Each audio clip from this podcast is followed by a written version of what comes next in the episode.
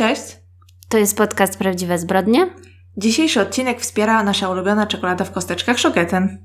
I dziś mamy temat czekolada gorzka. Co Tak. sądzisz o tym, Karolino? Kontrowersyjny temat. Tak, dokładnie. No muszę przyznać, że ja nigdy za czekoladą gorzką nie przepadałam. Chociaż moja babcia bardzo lubi, więc u mnie w domu była, no czasami jadałam, ale ja wykorzystuję zazwyczaj czekoladę gorzką do polew. Tak, do pieczenia bardzo dobrze się sprawdza, ale też odkryłam, że ta gorzka czekolada Shogeten, ona bardzo dobrze smakuje do kawy. No i teraz jesteśmy ciekawe, co wy myślicie na temat gorzkiej czekolady. Także zapraszamy do dyskusji. Dziś wyjątkowo nagrywamy w poniedziałek i mamy dzisiaj Dzień Kobiet. Także wszystkiego najlepszego dla wszystkich kobiet, dla Ciebie Karolina też. Wow. I żeby nam nikt nie mówił, jak mamy żyć. O, no, dobre życzenia. Dołączam się. A tak poza tym, to jak minął Ci tydzień? No właśnie, nawet może i dobrze, że nagrywamy dzisiaj, bo wczoraj zdążyłam zrobić coś nietypowego i mogę dzisiaj o tym powiedzieć. Mianowicie byłam w kinie. Uuu. Pierwszy raz od y, nie pamiętam kiedy. Co prawda w pandemii zdarzyło mi się tam może z trzy razy być w kinie, kiedy to było możliwe, ale po tej ostatniej długiej przerwie to był mój pierwszy raz. I powiem Wam, że byłam na filmie Obiecująca młoda kobieta, gdzie główną rolę gra Kerry Mulligan. Mhm. Bardzo taka nietypowa rola jak dla niej, bo mi się wydaje, że ona zawsze gra w takich poważnych filmach. Jakieś takie właśnie poważne kobiety, a tutaj to była taka troszeczkę kryminalna komedia, też bardzo w temacie Dnia Kobiet, bo właściwie e, była ekstremalnie ten film był feministyczny, taki aż do, do granic em, generalnie zniszczyć wszystkich mężczyzn. Też niedobrze. No, nie, no wiadomo, to było przesadzone, ale ja byłam na tym filmie z moim chłopakiem i w sumie jestem ciekawa. Nie powiedział nic, bo pewnie bał się powiedzieć, bo wiesz, Wiem, wiem. wyszłoby, że nie jest, y, jest antyfeministą czy coś takiego, więc nic nie powiedział, ale no, taki film można się zastanowić. Oczywiście jest to temat bardzo poważny, bo tam chodzi o tak zwaną kulturę gwałtu, więc nie ma co się śmiać. Ale właśnie ona się myśli na wszystkich e, potencjalnych jakichś tam oprawcach. Także fajne, fajne. Polecam. Zaskakujący był dość. Ja w kinie nie byłam tak dawno, że ja w ogóle nie pamiętam, jak wygląda takie doświadczenie. Nie no, myślę, że było, jeżeli chodzi o bezpieczeństwo w pandemii, to myślę, że wszystko było w porządku, no bo wiadomo, nie można siedzieć obok jakiejś obcej osoby, bo są te miejsca, jakby sprzedają co drugie miejsce. No i wiadomo, wszyscy w maseczkach i tak dalej, więc przynajmniej ja byłam w takiej dużej sali, że naprawdę wokół siebie nikogo nie widziałam, także nie czułam żadnego zagrożenia. Także polecam wspierać e, instytucje kulturalne, a właśnie nawet też byłam w muzeum w, ostatnio, także... A to widziałam. Także no, co prawda trafiłam na, przez przypadek zupełnie na dzień, w którym było darmowe wejście, a chciałam tak y, finansowo wesprzeć instytucje, niestety nie chcieli. No więc byłam w Muzeum Architektury we Wrocławiu, byłam w kinie Nowe Horyzonty, same fajne rzeczy. Chciałam też pójść na pizzę, bo we Wrocławiu jest jedno miejsce, do którego można pójść, ale była właśnie przez to była taka kolejka, że ludzie mówili, że stoją już godzinę Uła. przed wejściem, także zrezygnowałam. To już lepiej zamówić do domu, naprawdę. No. No, tak się to skończyło. A co tam u Ciebie? Ja też byłam w Muzeum Kafelek y, po raz kolejny, także przyznam szczerze, że ja jestem teraz bardzo monotematyczna i jak myślałam sobie o dzisiejszym nagrywaniu, to nawet nie mogę powiedzieć, że czekałam na pytanie o ostatni tydzień, bo wiedziałam, że nie będę miała niestety nic y, interesującego do powiedzenia, ale jedna rzecz mnie pocieszyła, dlatego że spotkaliśmy się ze znajomymi w sobotę i oczywiście wiadomo w malutkiej grupce rozmawialiśmy właśnie o remontach, o urządzeniu mieszkania, bo to był taki wspólny nasz temat, że tak powiem i bardzo mnie pocieszyli, dlatego że okazuje się, że to nie jest tak, że ja to robię jakoś tak nieumiejętnie, że to tyle czasu zajmuje, tylko to po prostu tyle czasu zajmuje i tyle. No więc, y, no cóż mogę powiedzieć. Karolina po raz kolejny poleciła mi serial na, odmurzenie, na który się nazywa The Bold Type, tak? Mhm. I to jest o trzech młodych dziewczynach, które pracują w popularnym czasopiśmie, magazynie dla kobiet.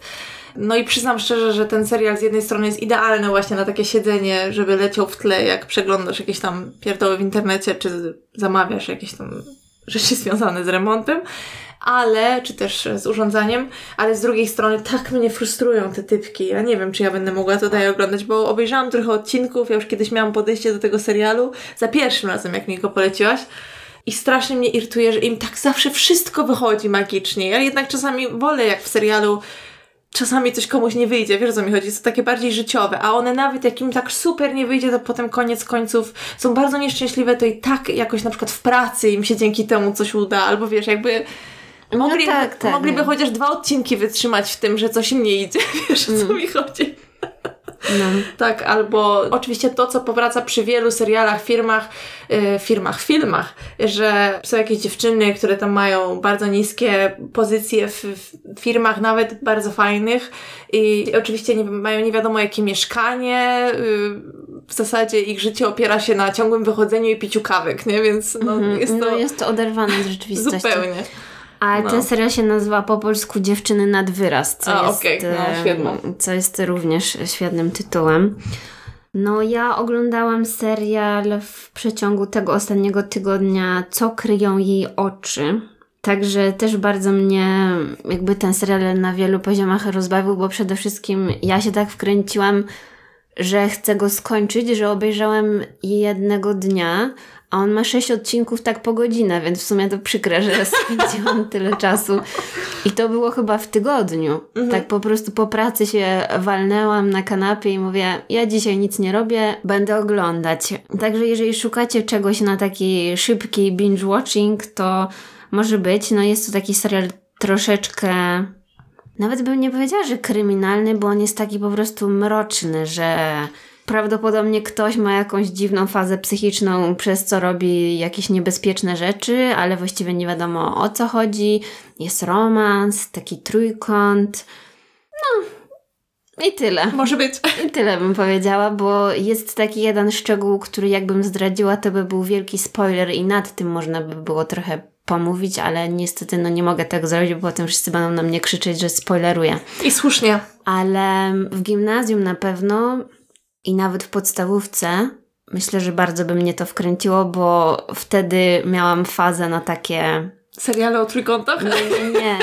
No właśnie na ten szczegół, o którym nie mogę okay. powiedzieć. To powiesz no. mi później. No. Bo jak zobaczyłam, Karolina mi wysłała, że ogląda ten serial, ja wiedziałam trailer, wiedziałam opis i zanim tam powiedziałaś, że oglądałaś i wiedziałam, że to jest coś, co chyba nie jest dla mnie, tak mi się wydaje. Aczkolwiek może bym się zaskoczyła, więc jak mi powiesz troszkę więcej, to może się przekonam do obejrzenia. Ale mam jedną niespodziankę dla Ciebie. Wiesz, jak zaczęłam Cię dzień? Jest poniedziałek, przypominam. Eee, nie wiem. I wyjątkowo dzisiaj zaczęłam dzień o dziewiątej, bo zazwyczaj zaczynam dzień o siódmej w poniedziałki. I dzięki temu zdążyłam zrobić tyle rzeczy rano. Nie dość, że zawiozłam e, moczkota do badania, taki fun fact, to jeszcze zaczęłam dzień od jogi. Wow, ja też. No dobra, dla Ciebie to jest normalne. Ja oczekuję aplauzu tutaj, wiesz, klepania po plecach i, i tak dalej. A to brawo. A jak to się stało? A no stało się tak, że postanowiłam wziąć sobie do serca rady załogi z jogi życia, mhm. która e, ostatnio właśnie tam na Insta Stories dawała radę, co zrobić, jak 90 minut jest e, za długo dla kogoś, tak, jeżeli chodzi o ćwiczenia, bo dla mnie było tak właśnie bardziej z, ze względu na to, że ja nie potrafię tak długo usiedzieć nad czymś.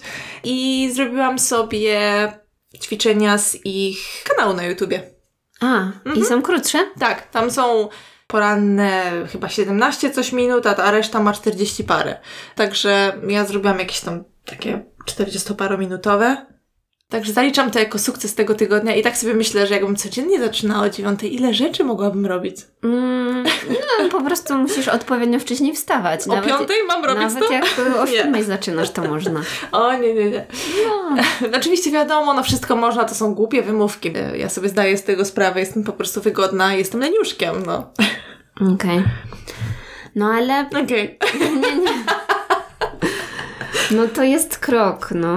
Jakby jak są jakieś takie motywujące teksty w stylu, że nie wiem, nie wejdziesz na szczyt, jeżeli, nie wiem, nie zrobisz tego kroku, to coś takiego, no, to, to pasuje. A ja zapomniałam Wam ostatnio się pochwalić, że wracając do odcinka o, o morderstwie Johna Lennona, to ja czytam Buszującego w zbożu. O! Nieźle. Ale przyznam, że jakoś nie idzie mi to jakoś tak super szybko, bo nie jest to taka książka Siadasz, czytasz, na, no. na, znaczy, nie, nie, ona jest napisana takim bardzo prostym językiem i łatwo się to czyta, tylko jakoś średnio mnie to interesuje, w sensie, A, wiesz o co chodzi, że widać, że bardzo dobrze by się to czytało w wieku 15 lat. Mhm, mhm. A ja teraz to czytam i sobie myślę, ach ty chłopaczku, co ty wiesz o życiu? Bo naprawdę on się tam tak jakoś irytuje na wszystko, ale też nie wiem, czy to jest kwestia tłumaczenia, bo ja domyślam się, że mam starą wersję i taki język jest też taki dziwaczny mm, po polsku, taki niezbyt współczesny. Nie wiem, dziwnie się to czyta. Brzmi to jak... Um, 60-latek w, w skórze 16-latka, czy coś takiego. No nie wiem, dziwne. W każdym razie czytam i jak skończę, to zobaczycie, czy odbije mi i będę nagle. nie. nie no, żartuję. To jest kiepski żart, przepraszam. To ja muszę się przyznać do porażki, jeśli chodzi o audiobooki. To już Karolinie mówiłam, że niestety musiałam się przerzucić. Olałam słuchanie króla i zaczęłam, kupiłam e-booka i po prostu zaczęłam to czytać normalnie, bo słuchanie mi tak nie szło. Jednak chyba audiobooki nie są dla mnie po prostu.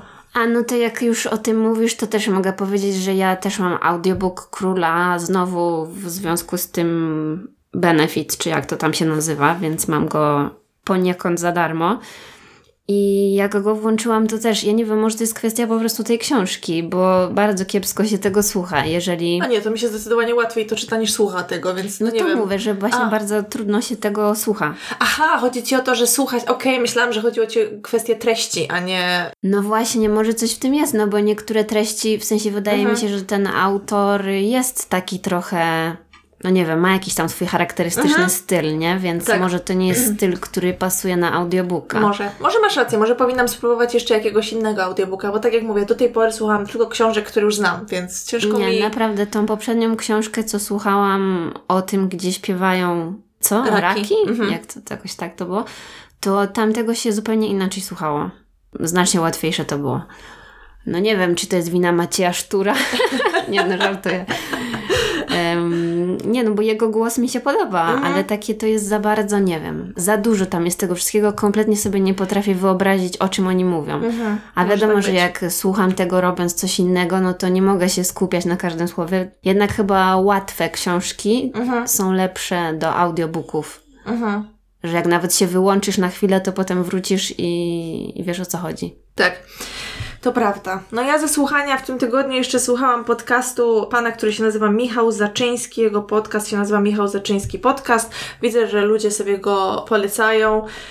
I jest to podcast, ten pan jest dziennikarzem. I może tutaj przeczytam wam kawałek opisu, bo pewnie będzie lepszy niż to, co ja powiem. O modzie i nie tylko, krytycznie i szczerze. Tak pan opisuje swój, swój podcast. Są y, odcinki w różnych tematach okołomodowych, więc jeżeli kogoś interesują takie tematy, to myślę, że warto posłuchać. Odcinków jest już kilka, jest chyba osiem jak na razie i ja właśnie już część e, przesłuchałam, ale mam jeszcze trochę w zapasie.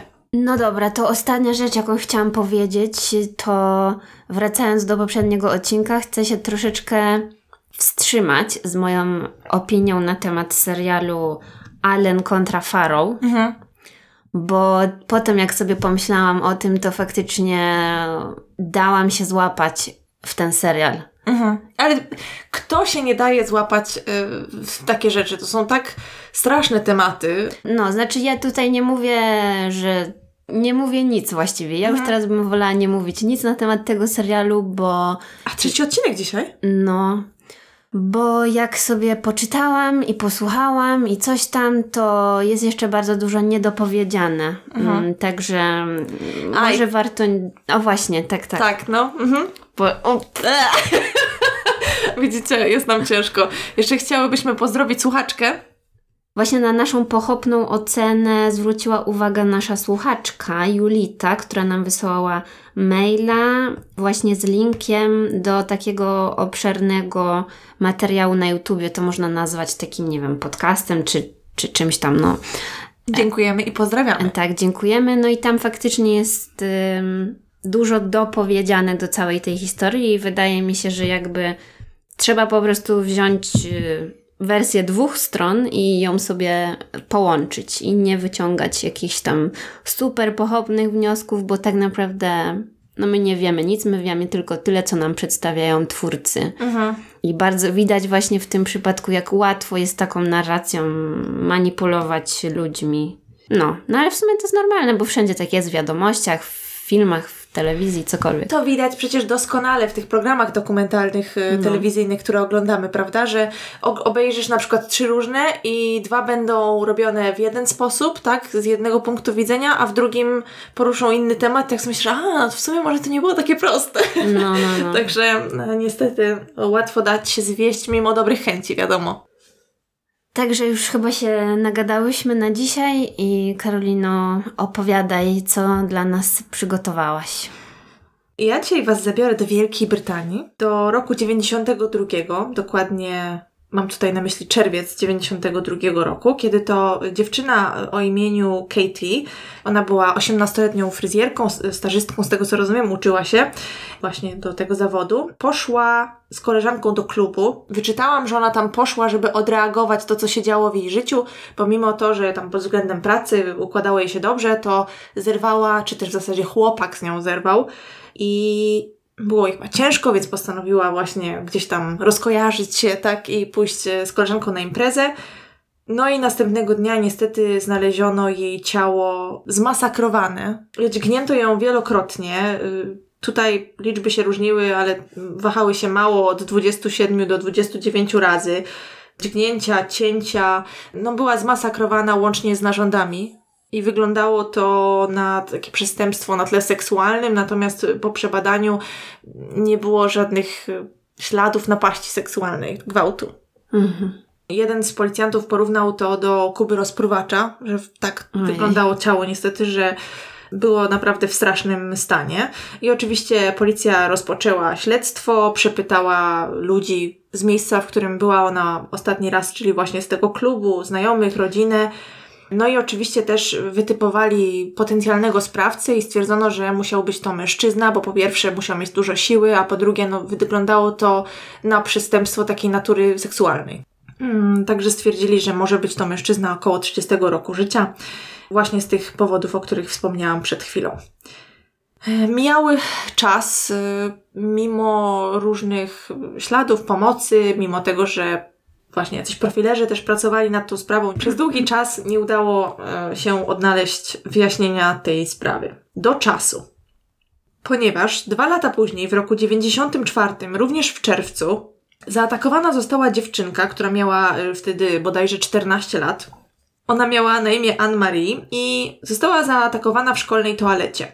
I doszło do tego tak, że do tej toalety zwabiła ją koleżanka, która miała 14 lat, dlatego wnioskuję, że tamta musiała mieć tyle samo, bo one były koleżankami z klasy. Zwabiła ją tam e, pod pretekstem pomocy w odnalezieniu pieniędzy.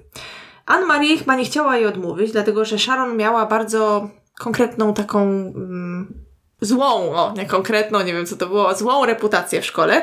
No więc y, chyba nie chciała jej odmówić, żeby nie spotkały ją konsekwencje tego odmówienia. No więc y, właśnie z tego powodu Anne-Marie zgodziła się pomóc Sharon szukać jakichś pieniędzy, które miała zgubić w toalecie. No i kiedy Anne-Marie odwróciła się do Sharon, ta wyciągnęła nóż i dźgnęła ją y, w plecy.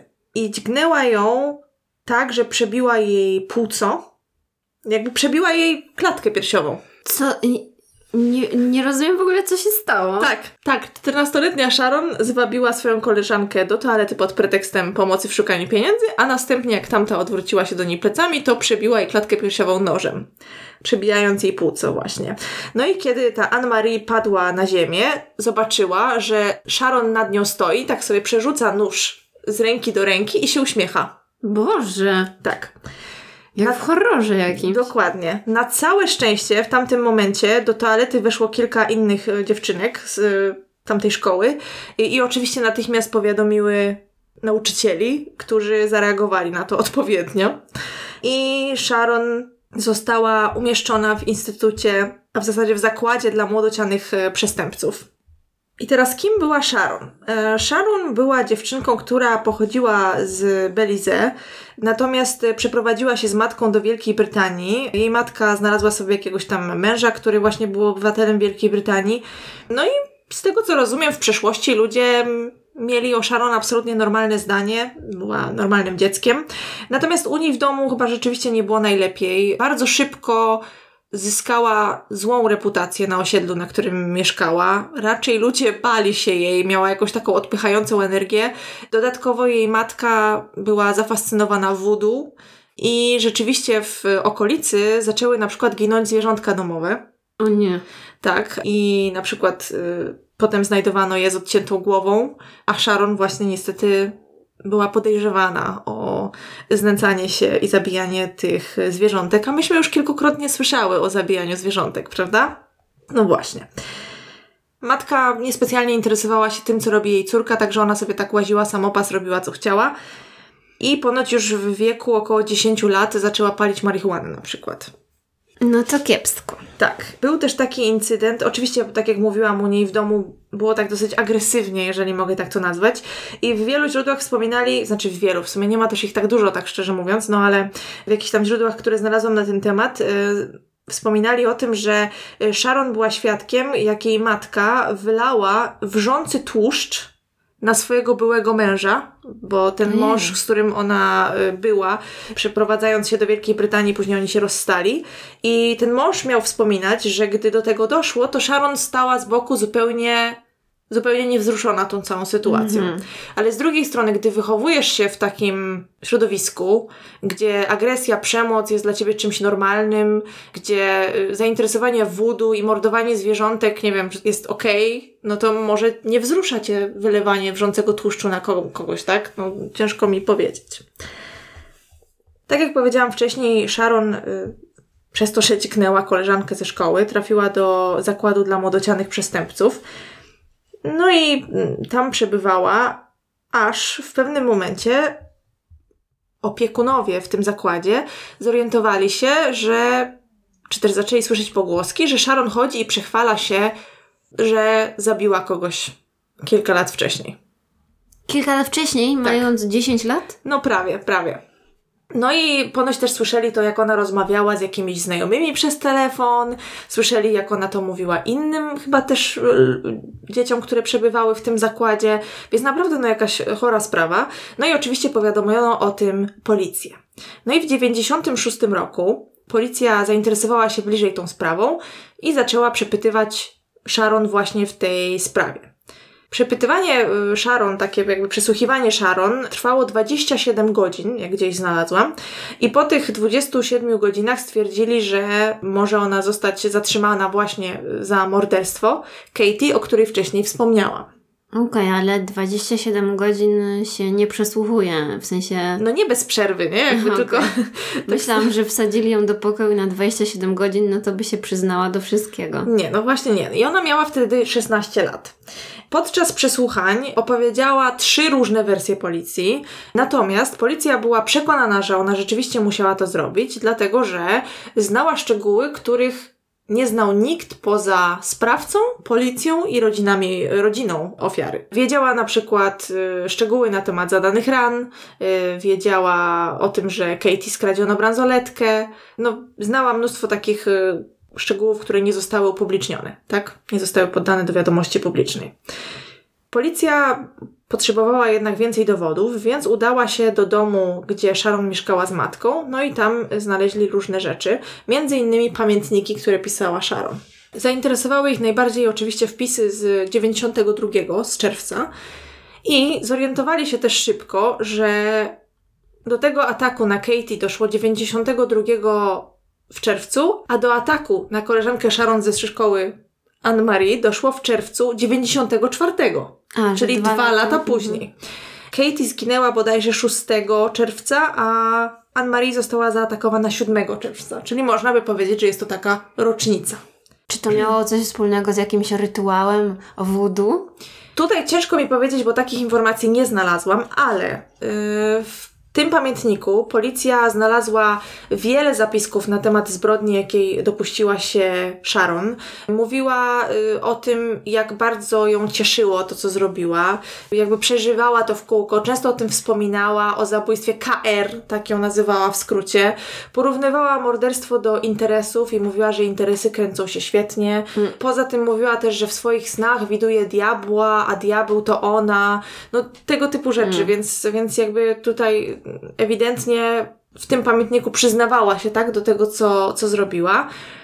No i uznali, że mają e, już wystarczająco dużo dowodów, żeby właśnie ją móc oskarżyć o to morderstwo. W międzyczasie, jeszcze z tych przesłuchań z Sharon, wyszło na to, że Katie i Sharon w pewnym momencie znalazły się w tym samym samochodzie. I tak jak wspominałam, tamtego wieczoru, kiedy zaginęła Katie, po której już nikt nie, nie widział jej żywej, ona poszła do klubu z koleżanką. Będąc w tym klubie, ona spotkała swojego byłego już wtedy chłopaka, który nazywał się Metin Mustafa. Miał 24 lata, czyli był od niej o kilka lat e, starszy.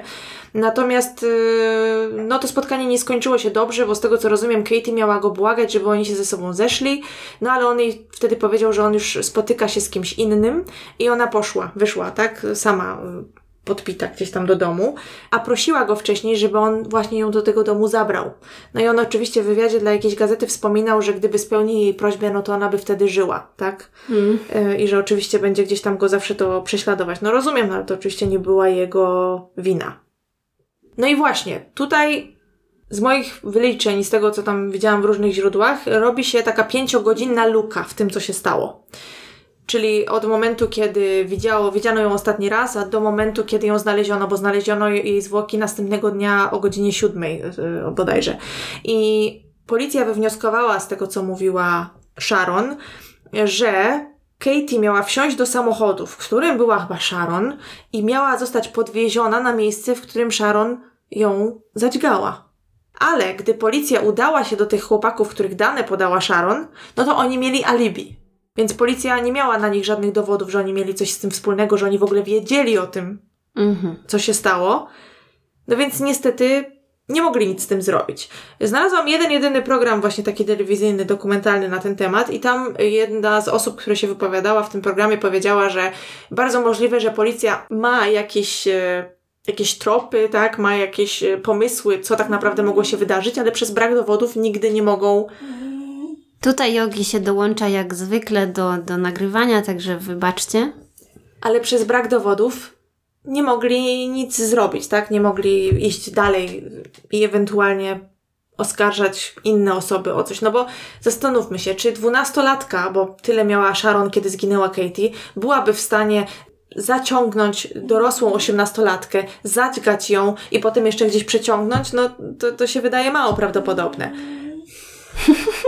przez te wpisy Sharon w dzienniku, gdzie ona tam pisze, że urodziłam się, żeby być morderczynią, zabijanie ją podnieca i sprawia, że tam, wiesz, jest jakby naćpana, tak, tym szczęściem i że nigdy nie chce z tego zrezygnować i właśnie widzi tego diabła. Oczywiście gazety to podłapały bardzo szybko media i nazwali ją córką diabła. I, I, pod takim, tak, pod takim e, też możecie pseudonimem jej szukać w internecie. Bo wiadomo, voodoo, diabeł, prawda, to wszystko się pięknie spina, aczkolwiek o tym voodoo słyszałam właśnie tylko z tego programu, o którym mówiłam. Chyba to jest Crimes That Shook Britain, tak mi się wydaje. Wprawdzie nigdzie nie łączyli tych faktów, ale z racji tego, że ci mężczyźni, którzy mieli pomóc, czy też dać podwózkę Sharon i Katie, mieli alibi i policja stwierdziła, że może w takim wypadku Sharon wymyśliła sobie tą wersję, że wcale ci mężczyźni jej nie pomagali. To tak połączyłam sobie to z takim faktem, że w kilku źródłach wspominali, że ona była takiej dosyć mocnej budowy i że miała gdzieś tam jakieś, nie wiem, szerokie ramiona, czy co, nie wiem, czy to ma jakiś związek, bo dalej miała 12 lat, ale może była jakaś, nie wiem, wyjątkowo wyrośnięta, wysoka, nie wiem, na swoje lata. No, młode. może po prostu była na tyle silna, żeby. Tak. Albo tak ją adrenalina gdzieś tam e, poniosła. Podczas rozmów z, z, policją Sharon jakby bez problemu opowiadała o tym, jak to w ogóle nie czuje emocji myśląc y, o swoich ofiarach. No i to też wynikało z pamiętnika, o którym wcześniej wspominałam, że raczej opisywała, jak wielką przyjemność sprawiało jej widzenie strachu, tak, w y, oczach tej ofiary. Zresztą tak też można wnioskować z zeznań Anne-Marie, tej koleżanki ze szkoły, którą dźgnęła, a potem stała i uśmiechała się nad nią radośnie, podrzucając sobie nóż, tak? No jakby to, to nie jest chyba normalne. W każdym razie, y, oczywiście doszło do procesu w tej sprawie i proces zaczął się w 97 Trwał cztery tygodnie i oczywiście jednym z dowodów, a w zasadzie głównym dowodem był tutaj też pamiętnik. Dlatego, że chyba też w tym Crimes That Shook Britain, w tym programie telewizyjnym, o którym wcześniej wspominałam, mówili, że w pewnym momencie Sharon oczywiście odwołała wszystkie swoje zeznania, pewnie za radą obrony i powiedziała, że nie, że to nie ona wcale zrobiła. No ale jakby mieli te pamiętnik, ten pamiętnik, mieli to, co, tak, mieli to, co mówiła wcześniej, no i też te szczegóły, które ona znała, których nikt inny nie miał prawa znać tak naprawdę, jeżeli chodzi o tą zbrodnię. I też wspominali, to też widziałam zdjęcia właśnie, zanim jeszcze obejrzałam ten program, były zdjęcia Sharon w takim stroju jak do kościoła, że miała y, białą koszulę, wiesz, kołnierzyk, sweterek, y, krzyżyk na łańcuszku, mhm. grzecznie uczesana, prawda? No i ona tak się do sądu stawiła, ale no nie pomogło jej to i została skazana za to, co zrobiła. I skazano ją najpierw na 14 lat pozbawienia wolności, potem zmniejszono to do 12. Natomiast tutaj mówimy o pobycie w więzieniu, y, ale sędzia uznał, że powinna ona zostać w zamknięciu na zawsze. Ojej. Tak. Swoją drogą przebywała też jakiś czas w Twoim ulubionym szpitalu w Wielkiej Brytanii. Mhm. Tak, także ona właśnie znalazła się w Broadmoor i Szybko chyba z więzienia ją zabrano, dlatego że ona atakowała ludzi tam pracujących, atakowała współwięźniów. W ogóle ona już siedząc w tym um, zakładzie dla młodocianych przestępców, mówiła o tym, jak to by chciała komuś zrobić krzywdę, nie wiem, tam złamać y, kark. Boże, ale to nie ma związku z jakąś chorobą? Tak, i właśnie teraz chciałam przejść do tego, dlatego że będąc y, już oskarżona o te straszne zbrodnie. Oczywiście ją zbadano i okazało się, że ona cierpi na szereg różnych zaburzeń, między innymi na zaburzenia schizoefektywne. I tutaj z tego co rozumiem, to to się może objawiać e, taką fazą i maniakalną, tak, i, i depresyjną. Poza tym, no tam szereg różnych rzeczy e, wymieniali, więc ewidentnie ma problemy ale stwierdzono, że w momencie popełnienia przestępstwa wiedziała, co robi. Dlatego hmm. mogło dojść do tego procesu. Wiesz, z jednej strony też ta kara była dosyć niska, jak na to, co zrobiła, prawda? Zabiła no, ale... kobietę. Ale powiedzieli, że do końca życia ma. Tak, tak, tak, że w to zakładzie ma przebywać. Nie, nie, ja mówię o karze więzienia. Mhm. Na to, na co ją ława skazała, nie? Oczywiście, to co potem stwierdził sędzia, to jest inna kwestia ale w tym więzieniu też nie potrafiła się zachować i właśnie przebywała najpierw w tym Broadmoor, potem przenieśli ją do innego szpitala, ale znalazłam też informację, że gdyby ją odesłali do więzienia, mogłaby starać się o wcześniejsze wyjście, ale w związku z tym, w jakim ona jest w stanie, to ja nie wiem, czy ją kiedykolwiek y, przywrócą, wiesz. Y, mm. no bo jeżeli atakuje ludzi, tak, i chce im zrobić krzywdę. Y, no nie wiem. No, tylko ciekawe jest jedynie to, czy podają jej na to jakieś leki. Tak. To prawda. Też właśnie w tym Crimes That Shook Britain na koniec wypowiada się tam ta dziennikarka, która prowadzi ten program, pyta się jakiegoś pana specjalisty, czy można byłoby coś zrobić, jakie on widzi nadzieje i on mówi, że ma mocne wątpliwości, czy coś dałoby się z tym zrobić, ale należy też się przyjrzeć temu, co zostało zrobione, jak ona była dzieckiem. Czyli no. nic, no. Prawda? No. Że, że może wtedy prościej byłoby sobie z tym poradzić, jakoś ją wyprowadzić. No bo jeżeli rzeczywiście ona ma tyle tych jakichś różnych zaburzeń, no to nic dziwnego, że tak się to skończyło, zwłaszcza jak nikt o nią nie dbał, była wychowywana w takim środowisku, jakim była, jeszcze nie daj Boże brała te narkotyki, tak, czy tam, no nie wiem, paliła marihuanę, czy piła, czy cokolwiek, nie wiem, w zasadzie nie wiemy tak naprawdę, co się tam działo u niej w domu, więc no Cóż, to znalazłam na stronie freelibrary.com i właśnie na tej stronie znalazłam taki krótki artykuł o tym, jak to dwóch morderców y, się w sobie zakochało. Właśnie spotkali się w Broadmoor i tymi zakochanymi mieli być Sharon Carr, czyli nasza y, główna Co? bohaterka i facet, który nazywa się Robbie Lane, który też właśnie przebywał w tym szpitalu mm, i oni mieli się tam poznać, mieli być ze sobą tam prawie rok, chyba z 9 miesięcy, iż aż w końcu Robi miał oświadczyć się Sharon. No i postanowili wziąć ślub. Zamówili nawet pierścionki po to właśnie, żeby ten ślub wziąć. I to jest artykuł z 2001 roku. Natomiast do ślubu nie doszło, dlatego że oni mieli wgląd w swoje papiery, przy tym ślubie.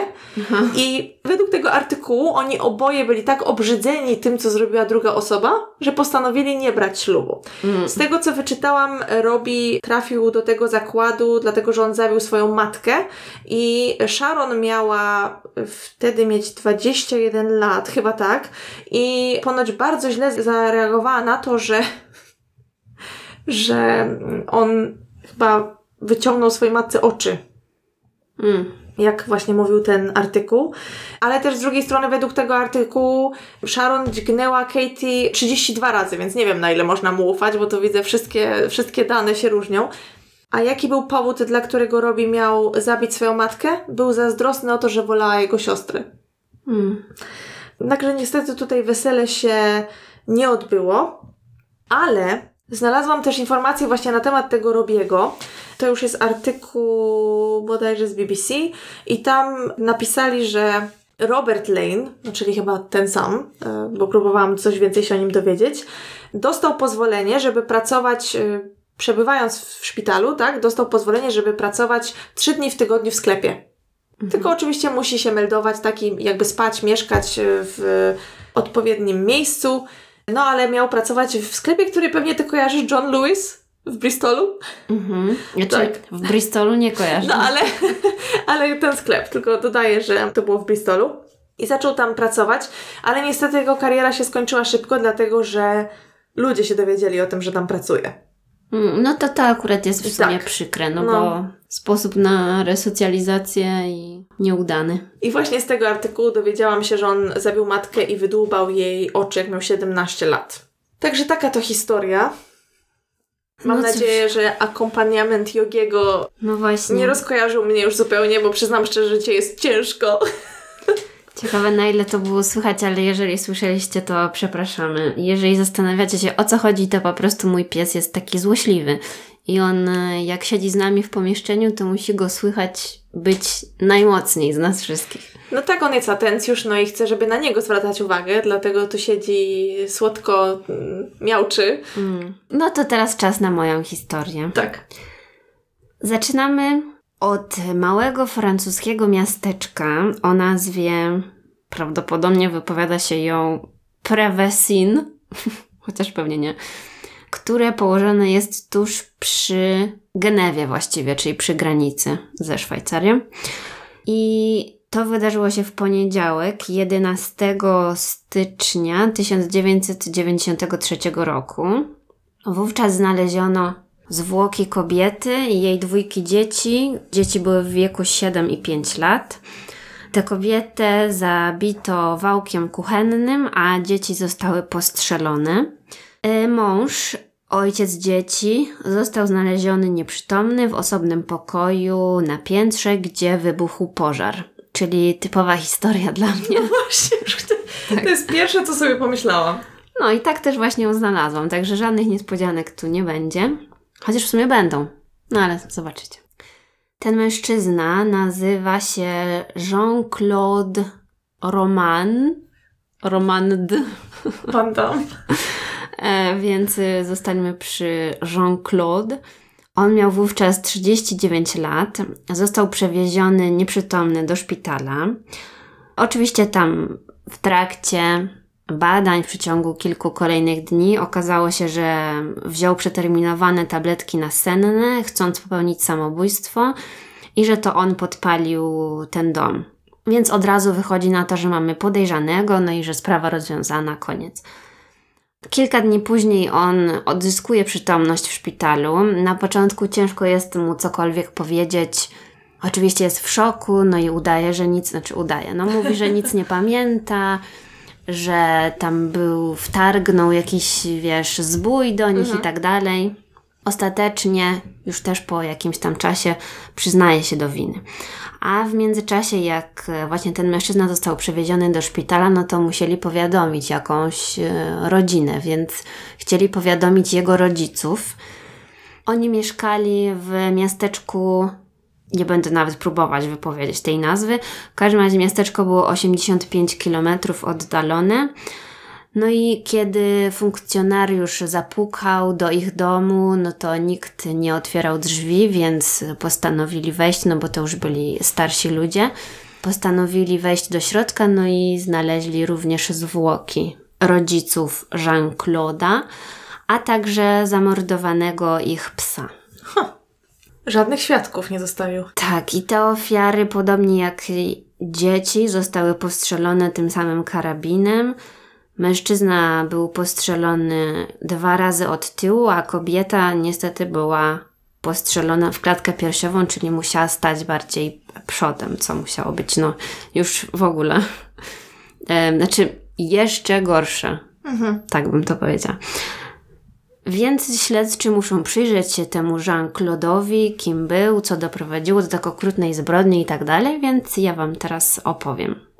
Jean-Claude Roman był jedynakiem, pochodził z rodziny leśników, w dzieciństwie był samotnikiem, nie miał zbyt dużo znajomych, podobno jedynym jego towarzyszem był rodzinny pies, oczywiście do czasu. Skończył szkołę średnią z bardzo dobrymi ocenami, w szczególności z filozofii i podobno taką końcową pracę napisał na temat czy prawda istnieje. I to jest ciekawy temat pracy w kontekście tego, co wydarzy się później. Po ukończeniu tej szkoły średniej przeniósł się z rodzinnej miejscowości do Lyonu, żeby tam rozpocząć studia. Przez chwilę próbował szczęścia na kierunku związanym właśnie z tym leśnictwem, żeby kontynuować rodzinną tradycję, ale szybko zrezygnował z tego kierunku, prawdopodobnie przez szykanowanie, jakiego tam doświadczył, i postanowił w kolejnym roku rozpocząć studia medycyny. Więc na tej medycynie szło mu bardzo dobrze. Skończył pierwszy rok studiów z wybitnymi wynikami. Być może motywowało go to, że na tym samym wydziale studiuje dziewczyna Florence, którą znał od dawna i zawsze się w niej podkochiwał, więc. Za miłością poszedł. Tak. No i tutaj już zaczynają się problemy, bo Florence szybko daje mu kosza, co prawdopodobnie zbiega się też z jego egzaminami końcowymi, więc on wtedy, jak ona mu daje kosza, jest zdruzgotany w lekkiej depresji i podobno nie usłyszał budzika, czy tam zaspał, no i nie dotarł na jakieś tam ważne egzaminy. Oczywiście jest jeszcze sesja poprawkowa, ale tam też znowu nie pojawia się na egzaminie. Jednak nikt z jego rodziny i przyjaciół o tym nie wie. On e, wszystkim mówi, że zdał na kolejny rok medycyny, że uzyskał bardzo dobre oceny z egzaminów i właśnie przez to, co się wydarzyło wtedy, rozpoczyna swoją wielką farsę, która będzie trwać prawie przez kolejne 20 lat uh. życia w kłamstwie. Na tym etapie nikt nie podejrzewał nic, bo Jean-Claude wydawał się no, bardzo mądry, nie miał nigdy żadnych problemów z nauką, nie kłamał, przynajmniej nikt nie wiedział, więc nie było podstaw, żeby ktokolwiek cokolwiek mógł podejrzewać. W latach 1975 i 86 w kółko zapisywał się na drugi rok studiów medycznych, czyli to ponad 10 lat. Na uczelni przedstawiał jakieś tam fałszywe zaświadczenia lekarskie, którymi uzasadniał swoją nieobecność na zajęciach i na egzaminach, no a oczywiście z jego najbliższego otoczenia nikt o tym nie wiedział. I na tym swoim niby trzecim roku studiów wytłumaczył swoim znajomym, których jeszcze miał z tych pierwszych lat, powiedział, że ma raka, chłoniaka, dlatego nie może wychodzić. A tak naprawdę zamknął się w swoim pokoju, oglądał telewizję, czytał jakieś tam gazety, przytył i popadł w depresję. Tą chorobę nowotworową wymyślił oczywiście, żeby mieć właśnie wymówkę, ale też, żeby wzbudzić współczucie tej Florence, bo wieść o jego chorobie do niej dotarła i ona pośrednio pewnie też przez to wróciła do niego. Po dwóch latach zaręczyli się, wzięli ślub w roku 80. Florence skończyła kierunek e, farmacji. I już tak w skrócie powiem, że następnie mieli dwójkę dzieci, przeprowadzili się do miasteczka właśnie tego Prevesin, niedaleko granicy ze Szwajcarią. Oczywiście Jean-Claude również ukończył studia według tego, co mówił ludziom, mhm. bo tak naprawdę nie skończył. Mówił, że ukończył studia z najlepszymi wynikami, a do tego dostał stypendium, takie zaproszenie do pracy w siedzibie WHO. Co? No to e, grubo bo, poleciał. Bo siedziba WHO właśnie była w Genewie. Mhm. No i to właśnie świetnie się składało, bo oni mieszkali, tak jak mówię, tuż przy tej granicy, że do tej Genewy było tam niewiele kilometrów. Więc kiedy wszyscy myśleli, że on wychodzi do pracy, to on całe dnie spędzał sam w samochodzie, czytał książki, jakieś tam czasopisma. Czasami planował wyjazdy na konferencje i wtedy spędzał noce w jakichś tanich hotelach. I owszem, odwiedzał tą siedzibę WHO, ale mógł jedynie chodzić tam po parterze budynku. Wyjmował w pobliżu pieniądze z bankomatów, wysyłał listy też z tamtej lokalizacji. Zabezpieczał się, no? E, rezerwował wakacje za pośrednictwem biura podróży WHO, jeżeli w ogóle cokolwiek takiego jest, ale widocznie tak. Nigdy oczywiście nie mógł wejść tam na górę do tego biura, ale na przykład kradł artykuły papiernicze i różne gadżety sygnowane ich logo. Zrobił nawet fotografię tego budynku, którą potem dał swoim rodzicom i zaznaczył na tej fotografii, które okno jest jego. No ale jeżeli on nie chodził do tej pracy, no to za coś musieli wszyscy żyć. Więc dziwne, skąd miał pieniądze, żeby utrzymać całą rodzinę. Jego żona oczywiście trochę pracowała, ale jako, że pewnie miała przerwy w związku z dziećmi i tak dalej, no to tak czy inaczej musieli skądś mieć pieniądze.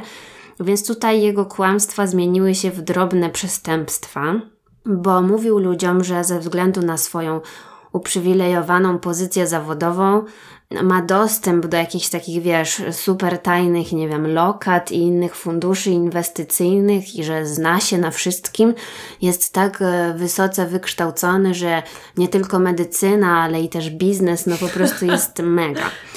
Więc na przykład jego rodzice i jego wujek przekazali mu swoje oszczędności w wysokości kilkudziesięciu tysięcy franków, żeby on ulokował je na jakichś wysoko oprocentowanych kontach, no i robił jakieś inwestycje. Potem wciągnął w to rodziców swojej żony, którzy przekazali mu swoją jakąś premię emerytalną w wysokości 400 tysięcy franków.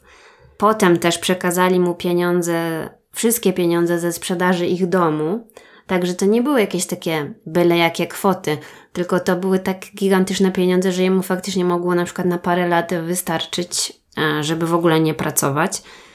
A robił też takie już naprawdę okrutne rzeczy, bo wuj jego żony zachorował na raka więc y, Jean-Claude powiedział, że oni właśnie tam w tym WHO pracują nad jakimś wspaniałym lekarstwem, no i może mu zamotać jakieś super leki, a to było oczywiście placebo, które on im dawał, ale sprzedawał to za też jakieś 15 tysięcy franków za, nie wiem, tam dawkę czy coś takiego. O matko, to przepraszam, żerowanie na chorych ludziach to jest, znaczy nie mówię, że wszystko inne, co zrobił było spoko, ale to już jest wyjątkowo paskudne. Te pieniądze były mu potrzebne nie tylko po to, żeby po prostu taki byt zapewnić swojej rodzinie, ale żeby utrzymać odpowiedni wizerunek, bo podobno jeździł BMW, mieli wielką chałupę, a dzieci chodziły do prywatnej szkoły, więc to nie było tak, że. No tak, no jako super, hiper, ekstra wykształcony lekarz pracujący dla WHO na pewno musiał mieć też odpowiedni tryb życia. Więc mijały lata, jego kariera oczywiście fikcyjna się rozwijała. Kupili ten e, większy, lepszy dom. Jego żona pracowała w aptece, opiekowała się dziećmi. Poza tym w okolicy wszyscy kojarzą ich, wiedzą, że on jest e, takim wybitnym naukowcem, wszyscy mają do niego wielki szacunek. Chwalą go, że jest taki skromny i że ten sukces nie uderzył mu do głowy. A ten rak, którego kiedyś miał, to oczywiście odszedł w niepamięć, bo wyleczył się z niego. Tym swoim magicznym lekiem pewnie. Tak, pewnie tak. No ale na pewno jakby tylko nadeszła jakaś kolejna potrzeba, to pewnie by sobie z powrotem przypomniał o tej chorobie. Mógłby zawsze powiedzieć, że ma nawrót. Ale w roku 90 ten idealny obrazek rodziny psuje się, bo Jean-Claude wdaje się w romans z kobietą o imieniu Corinne. Dziwnym trafem ją również namówił do przekazania pieniędzy w ramach inwestycji i ona mu dała 900 tysięcy franków za to, że sprzedali gabinet dentystyczny, bo ona była związana z dentystą. No w każdym razie mieli bardzo dużo pieniędzy i dali mu, żeby je powiększyć, prawda? Mhm. No ale oczywiście nigdy więcej tych pieniędzy ta kobieta nie zobaczyła. Mówiłam już o rodzicach Florence, więc kiedy ojciec Florence chciał odzyskać część pieniędzy, bo chciał sobie kupić nowy samochód, to dwa tygodnie później spadł z dachu i umarł. A dodam, że wtedy, kiedy wydarzył się ten nieszczęśliwy wypadek, to on był sam z Jean-Claude'em, więc nie wiadomo tak naprawdę Czyli co. Czyli rozumiem, że to był nieszczęśliwy wypadek. No, uznano to za nieszczęśliwy wypadek i nikt nie miał tutaj żadnych mhm. podejrzeń, ale no nie wiadomo jak było naprawdę. Kiedy jakiś czas później ta Corin również poprosiła go o zwrot pieniędzy, bo chciała właśnie coś, coś z nimi zrobić, no to już wtedy nie wiedział, co ma jej powiedzieć. On w tak krótkim czasie przepuścił tyle hajsu? Na co? Nie, nie, to nie był krótki czas, to było dokładnie 17 lat. Aha, okej. Okay. Okej, okay, dobra. Nie, nie, już jesteśmy dalej, dalej. No i mniej więcej w podobnym czasie pracownik e, szkoły jego dzieci próbował się dodzwonić do Jean-Claude'a do pracy, no i oczywiście nie mógł go tam odnaleźć w tym biurze. A kobieta, której mąż pracował też w WHO, zapytała Florence, czy wpadną razem z dziećmi na firmowe przyjęcie bożonarodzeniowe. No a Florence oczywiście nic na ten temat nie wiedziała, więc też y, na pewno mu o tym powiedziała. I kolejna rzecz, która się nawarstwiała, i nie wiadomo jak długo jeszcze by te swoje kłamstwa mógł utrzymać. No i właśnie niedługo potem, bo w styczniu doszło do tego morderstwa, do tych morderstw właściwie. I morderstwa zostały skrupulatnie zaplanowane, przede wszystkim dlatego, że mamy ślady po zakupach. Jak w wielu tego typu sprawach, sprawca idzie do sklepu z narzędziami, mhm. kupuje jakieś dziwne rzeczy i potem, no wiadomo, że planował to, a nie, że znalazł przypadkiem młotek pod ręką czy coś takiego. Więc on kupił parę kanistrów z benzyną, do tego te leki nasenne. Mm, w sklepie z bronią kupił paralizator, gaz łzawiący, opakowanie nabojów i tłumik do karabinu kalibru 22. Kolejny dziwny fakt jest taki, że te zakupy ze sklepu z bronią zapakował na prezent. Być może poprosił w sklepie o coś takiego, nie wiem. Jakby chciał wytłumaczyć komuś, że to będzie prezent dla jego ojca. No, tak naprawdę oczywiście nie, nie było. Więc wczesnym rankiem, to było 9 stycznia 1993 roku, Jean-Claude pobił na śmierć swoją żonę tym wałkiem do ciasta. Następnie umył ten wałek, odłożył go na miejsce. Kobietę przykrył kołdrą i zostawił ją w łóżku i powiedział dzieciom, że ona śpi, bo te dzieci były cały czas w domu. Następnie zrobił dzieciom śniadanie. A, to pewnie dlatego nie mógł jej zastrzelić. Mhm. To były płatki z mlekiem. Potem oglądali telewizję, podobno tam leciały trzy małe świnki. Potem te dzieci zabrał na górę do ich pokoju, no i po kolei zastrzelił. Caroline miała 7 lat, a Antoine 5 lat. Następnego dnia pojechał jak gdyby nigdy nic na obiad do swoich rodziców. Siedzieli przy stole, rozmawiali, a po obiedzie ich zastrzelił. I tak jak mówiłam, zastrzelił również psa. Tego wieczoru Jean-Claude pojechał do Paryża, żeby zobaczyć się ze swoją kochanką Corinne, Powiedział jej, że idą na wyjątkową kolację, ale po drodze na tę kolację zatrzymali się w okolicy lasu i tam próbował ją udusić. Ale ta kobieta walczyła i podobno spojrzała mu głęboko w oczy i błagała, żeby przestał. I on tego spojrzenia nie mógł wytrzymać, więc y, zostawił ją i pozwolił jej uciec. Co było trochę dziwne. No więc y, przeprosił ją i wrócił do domu. Wrócił do domu pełnego zwłok właściwie. Mhm. I on spędził kolejny dzień w domu z tymi wszystkimi zwłokami. Podobno oglądał wtedy telewizję. No i właśnie wieczorem e, połknął dużą ilość tych tabletek nasennych, jednak nie tak dużą, żeby od razu stracić przytomność, ponieważ około godziny czwartej nad ranem, kiedy zawsze o tej porze przyjeżdża śmieciarka i on o tym wie, to wtedy rozlewa benzynę z kanistra i podpala dom. Więc y, ci ludzie pracujący na tej śmieciarce, oni zauważyli pożar i wezwali straż i szybko udało się ten pożar ugasić. No więc jemu tak naprawdę nic się nie stało. Podobno znaleźli go nieprzytomnego przy otwartym oknie i też y, drzwi do jego pokoju były zamknięte i różne materiały jakby były wepchnięte pod te drzwi. Hmm żeby zapewnić jakby takie bezpieczeństwo, żeby tam tak szybko ten pożar nie dotarł. Więc wydaje mi się, że on się bardzo bał śmierci i był przekonany, że ktoś go uratuje. Mhm. Może myślał, że to, że chciał w cudzysłowie popełnić samobójstwo, będzie jakąś okolicznością łagodzącą dla niego. A, dodam jeszcze, że przecież on studiował medycynę, no i przez wiele lat udawał, że jest lekarzem, więc na pewno jakąś tam wiedzę miał. I na pewno wiedział, ile tabletek i jakich tabletek trzeba wziąć, żeby faktycznie mhm. popełnić mhm. samobójstwo, a nie taką prowizorkę odwalać. Także w to samobójstwo ja nie wierzę. Nie no, tak to brzmi, wnioskując z Twojej historii, że on wcale nie chciał się zabić, tylko szukałam jakiegoś wyjaśnienia, po co miałby tą szopkę robić. Co ciekawe, w tym momencie na jego koncie zostało jedynie 500 franków, kiedy to się wszystko wydarzyło, więc na pewno już po prostu zbliżało się to wszystko do końca. No, że już dłużej by tej farsy nie mógł ciągnąć.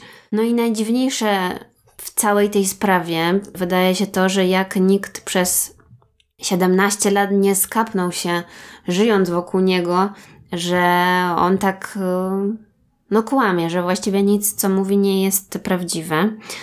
No i on niby sprawiał wrażenie człowieka pewnego siebie, ale skromnego, takiego cichego, więc nie był taką osobą, która by się jakoś wszystkim afiszowała, więc też może nie zwracał trochę na siebie uwagi.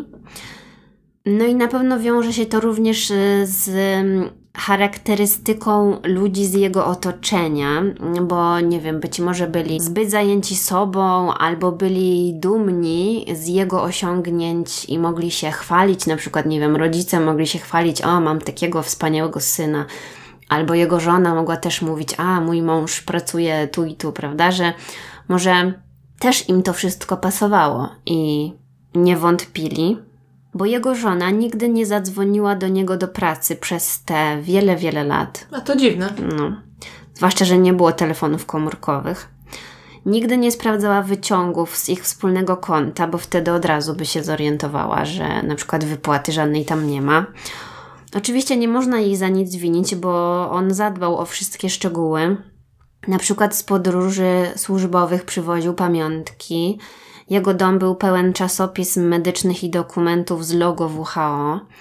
Mówił żonie, że w pracy jest zawsze bardzo zajęty, więc lepiej, żeby do niego nie dzwoniła i jeżeli bardzo go potrzebuje, to żeby użyła pagera. Mhm.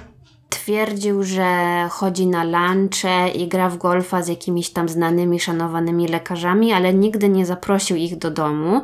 Podobno dlatego, że nie chciał mieszać życia prywatnego ze służbowym. To też taki w miarę logiczny mhm. argument. No i nie mógł mówić za dużo o tym, co właściwie robi w pracy, no bo to wszystko są ściśle tajne projekty. Mhm. Więc no. I jego żona podobno kiedyś zażartowała, że może okazać się, że jej mężem jest komunistyczny szpieg przez tą jego tajemniczość. No ale to był taki, no niestety, niefortunny dowcip.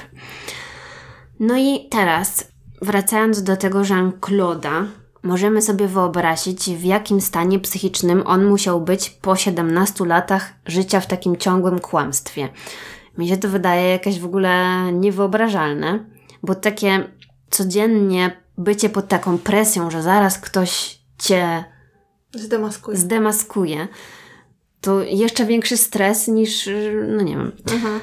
No i tak mi się wydawało, że gdyby tą całą swoją energię poświęcił faktycznie na przykład na naukę i dokończenie tych studiów, to na pewno znacznie łatwiej by mu to poszło, bo on musiał, bo on musiał cały czas studiować jakieś tam, wiesz, ciekawostki ze świata medycyny, monitorować tą działalność WHO, żeby móc w ogóle mhm. coś powiedzieć, że jak są przy ludziach, żeby nikt go nie zdemaskował, więc na pewno jakąś tam wiedzę miał. No Bardzo i, dziwne. No właśnie, poza tym też ktoś, kto jest w stanie wymyślić tak skomplikowane i zawiłe kłamstwo, nie jest głupi. Więc na pewno mm. byłoby go stać na to, żeby skończyć studia i pracować jako lekarz. Dlatego też wiele osób podejrzewa, że wcale nie miał zamiaru popełnić samobójstwa, bo gdyby najpierw usunął siebie z całej tej historii i zostawił jego rodzinę, żeby sobie spokojnie żyła, to nie byłby tym usatysfakcjonowany. Można taki wniosek wyciągnąć, że chodziło mu o coś innego. Możemy się jedynie domyślać, że chodziło mu o utrzymanie na zawsze takiego idealnego wizerunku w oczach właśnie tych swoich najbliższych. Że on wolał. No właśnie, że on wolał ich zabić w momencie, kiedy oni wierzyli, że on jest tym, za kogo się podaje, niż popełniając samobójstwo zdemaskowałby się, no a oni wtedy by dalej żyli bez niego, prawda? Jakby mhm. taka historia mu nie odpowiadała. Więc taki sobie wyciągnęłam wniosek, że on po prostu był zwykłym tchórzem, dlatego bał się popełnić samobójstwo, tylko tą próbę samobójczą upozorował. Też mi przyszło słowo tchórz do głowy, wiesz kiedy? Kiedy mówiłaś o tym, że jego kochanka mu spojrzała głęboko w oczy, mm, on nie mógł no, tego no, no. znieść. No. no właśnie. Dlatego też większość y, swoich ofiar zabił od tyłu, mhm. żeby też się na niego nie patrzyli. No i zdecydowanie można w jego przypadku mówić o problemach psychicznych, bo to nie jest zachowanie osoby zdrowej, ale pytanie, czy to była jakaś choroba, bo nigdy w życiu nie zdiagnozowano mu żadnej choroby psychicznej. Dlatego w wielu artykułach naukowych, które powstały na bazie tej sprawy, psycholodzy chcieli przestudiować psychikę Jean-Claude'a, żeby dowiedzieć się, jaka mogła być jego motywacja nie tylko do popełnienia tych okrutnych morderstw, ale właśnie bardziej, żeby dowiedzieć się, dlaczego postanowił te 17 lat żyć w kłamstwie. Diagnoza, która najbardziej do niego pasuje, to oczywiście narcystyczne zaburzenie osobowości, no bo tutaj mamy na pierwszym miejscu potrzebę bycia podziwianym i brak empatii. No i właśnie ten mitologiczny obraz narcyza, mhm. który przegląda się w swoim pięknym odbiciu i jest nim tak bardzo oczarowany, bardzo mi pasuje do, do tego typa, no bo jednak e, ten jego idealny obraz tak bardzo musiał mu się podobać, że właściwie cały świat poza tym stracił znaczenie, prawda? Był w stanie zabić własne dzieci tylko dlatego, żeby zachować dobre imię? No i właśnie może, może ten idealny wizerunek siebie po prostu wpędził go w szaleństwo, no ale nie można tu mówić raczej o żadnej chorobie, no bo wszystko robił po prostu świadomie, żeby osiągać swój jakiś chory cel. I gdzieś przeczytałam takie zdanie na temat tej sprawy, że znamy wiele przypadków osób prowadzących podwójne życie, ale robią to dla pewnych korzyści, na przykład, żeby mieć dwie żony, dwie rodziny i tak dalej. A w przypadku Jean-Claude'a ciężko tu w ogóle mówić o podwójnym życiu, bo on miał jedno życie, a w tym jego drugim życiu nie było nic mhm. właściwie. Mhm. Więc to jest też bardzo dziwne, takie niespotykane, żeby uciekać tylko do takiej pustki, samotności i nie mieć właściwie z tego nic. Mhm. Więc. E, I on musiał mieć nerwy ze stali po prostu, to mm. przez tyle lat. No. Ja nie potrafiłam w domu skłamać, czy zjadłam drugie śniadanie, a co dopiero takie rzeczy. Wracając do tego, co wydarzyło się w domu i później, to jak mówiłam, Jean-Claude budzi się w szpitalu. Mm, na początku nic nie pamięta, potem opowiada jakieś bzdury, a potem przyznaje się do winy. bo tak naprawdę czekał, aż ktoś odkryje tę jego farsę. No i szkoda, że stało się to za późno, żeby pięć osób musiało do tego stracić życie. Jego proces rozpoczął się 25 czerwca 1996 roku. Podczas tego procesu on wyraził skruchę, ogólnie zachowywał się jak zbity pies. Widziałam jakieś urywki na YouTubie, takie zbliżenia na niego i on tam tak marszczy jakby czoło i tak taki jest bardzo smutny. Mm, jakby, no nie wiem. Mm. Nie wiem na co liczył. Ale w każdym razie on przeprosił wszystkich, których skrzywdził. A dodatkowo i wydaje mi się, że nie było to na jego korzyść powiedzenie czegoś takiego, ale na pewno to było w 100% prawdziwe. Powiedział, że w końcu czuje się wolny od ciężaru 20 lat kłamstw i że nigdy nie czuł się tak wolny. Także no nie wiem, co trzeba było mu powiedzieć. Gratuluję, jakby dobrze dla ciebie, nie wiem. Um, no ale przynajmniej... Tylko, że to nie on zapłacił cenę za tą, to poczucie wolności. I zresztą sam sobie to zgotował, nie wiem o co mu chodziło. Znaczy, no... Ale to chyba był właśnie pierwszy raz, kiedy po prostu był mhm. e, szczery w ogóle z, z kimkolwiek. Mam nadzieję, że mu dyplom dali. A on został skazany na 22 lata więzienia. Mało, prawda? Tak. No bo Dobrze, szkoda, że nie macie wizji, no. E, no, tak jest we Francji. E, w Stanach myślę, że kara śmierci tam, gdzie można, a jeżeli nie, no to dożywocie. A on 22 lata w więzieniu. No, uważam, że za zabicie pięciu członków rodziny to. się w pale nie mieści. No, bo chociażby mógł za każdą osobę na przykład te 22 lata dostać, ale nie. Mógł ubiegać się o zwolnienie warunkowe w 2015 roku. No i w więzieniu staje się idealnym więźniem. Rozpoczyna proces odkupienia za grzechy, bo nawraca się na wiarę w Boga, i w pewnym stopniu te jego grzechy zostają mu wybaczone, bo e, został zwolniony warunkowo i wyszedł z więzienia w 2019 roku w kwietniu i ostatecznie spędził w więzieniu 26 lat i wychodząc miał lat 65, czyli jeszcze na pewno sobie trochę pożyje.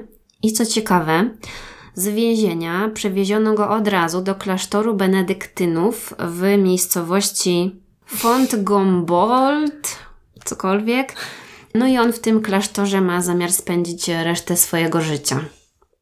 Zastanawiam się, czy to znowu jest jakiś image, który on sobie wymyślił na siebie, czy rzeczywiście żałuje.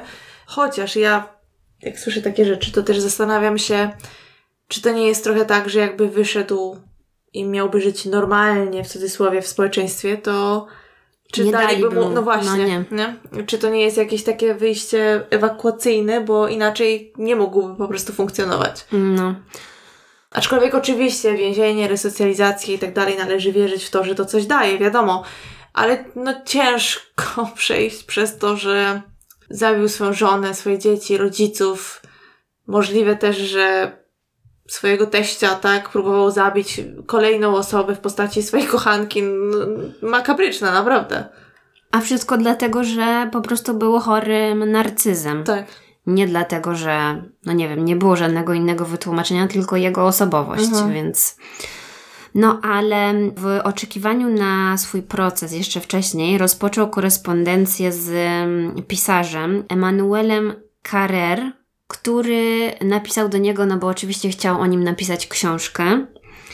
Ta ich współpraca była owocna i książka została opublikowana w 2001 roku pod tytułem L'Adversaire. po polsku to można przetłumaczyć na przeciwnik i zdobyła ta książka ogromny sukces. E, jest e, przetłumaczona na angielski i nawet e, trochę sobie ją przeglądałam. Nie powiem, żebym ją w całości przeczytała, ale po wydaniu tej książki wyszły również dwa filmy. Filmy fabularne, bazujące na, na życiu i na historii Jean-Claude'a i film pod dokładnie takim samym tytułem jak książka. Musisz to powtórzyć. Nie, nie powtórzę. Albo spolszczoną wersję powiem, a jakiś adwersarz, czy nie wiem jak to powiedzieć. W każdym razie ten film, no jak bardzo, bardzo poszukacie, to, to można go gdzieś tam e, znaleźć i on został nominowany do jakiejś tam nagrody w, w roku, kiedy wyszedł e, na festiwalu w Cannes. Więc jak możecie się domyśleć, no jest to taki bardzo e, mocny dramat. E, nie powiem, że, że polecam. W każdym razie historia bardzo filmowa, jakby nie było. Mhm, bardzo. Nie wiem naprawdę co i jak, i dlaczego. W sensie bardzo mnie to ciekawi, co on miał w głowie. Bo to jest zbyt dziwne. Jeszcze w sumie wydaje mi się, że takiej historii jeszcze nie słyszałam. Nie wiem, czy on myślał w pewnym momencie, że już nie ma odwrotu od tego, co zrobił, czy co, no bo wiadomo było, że zdobył tą swoją żonę na nowo kłamstwami.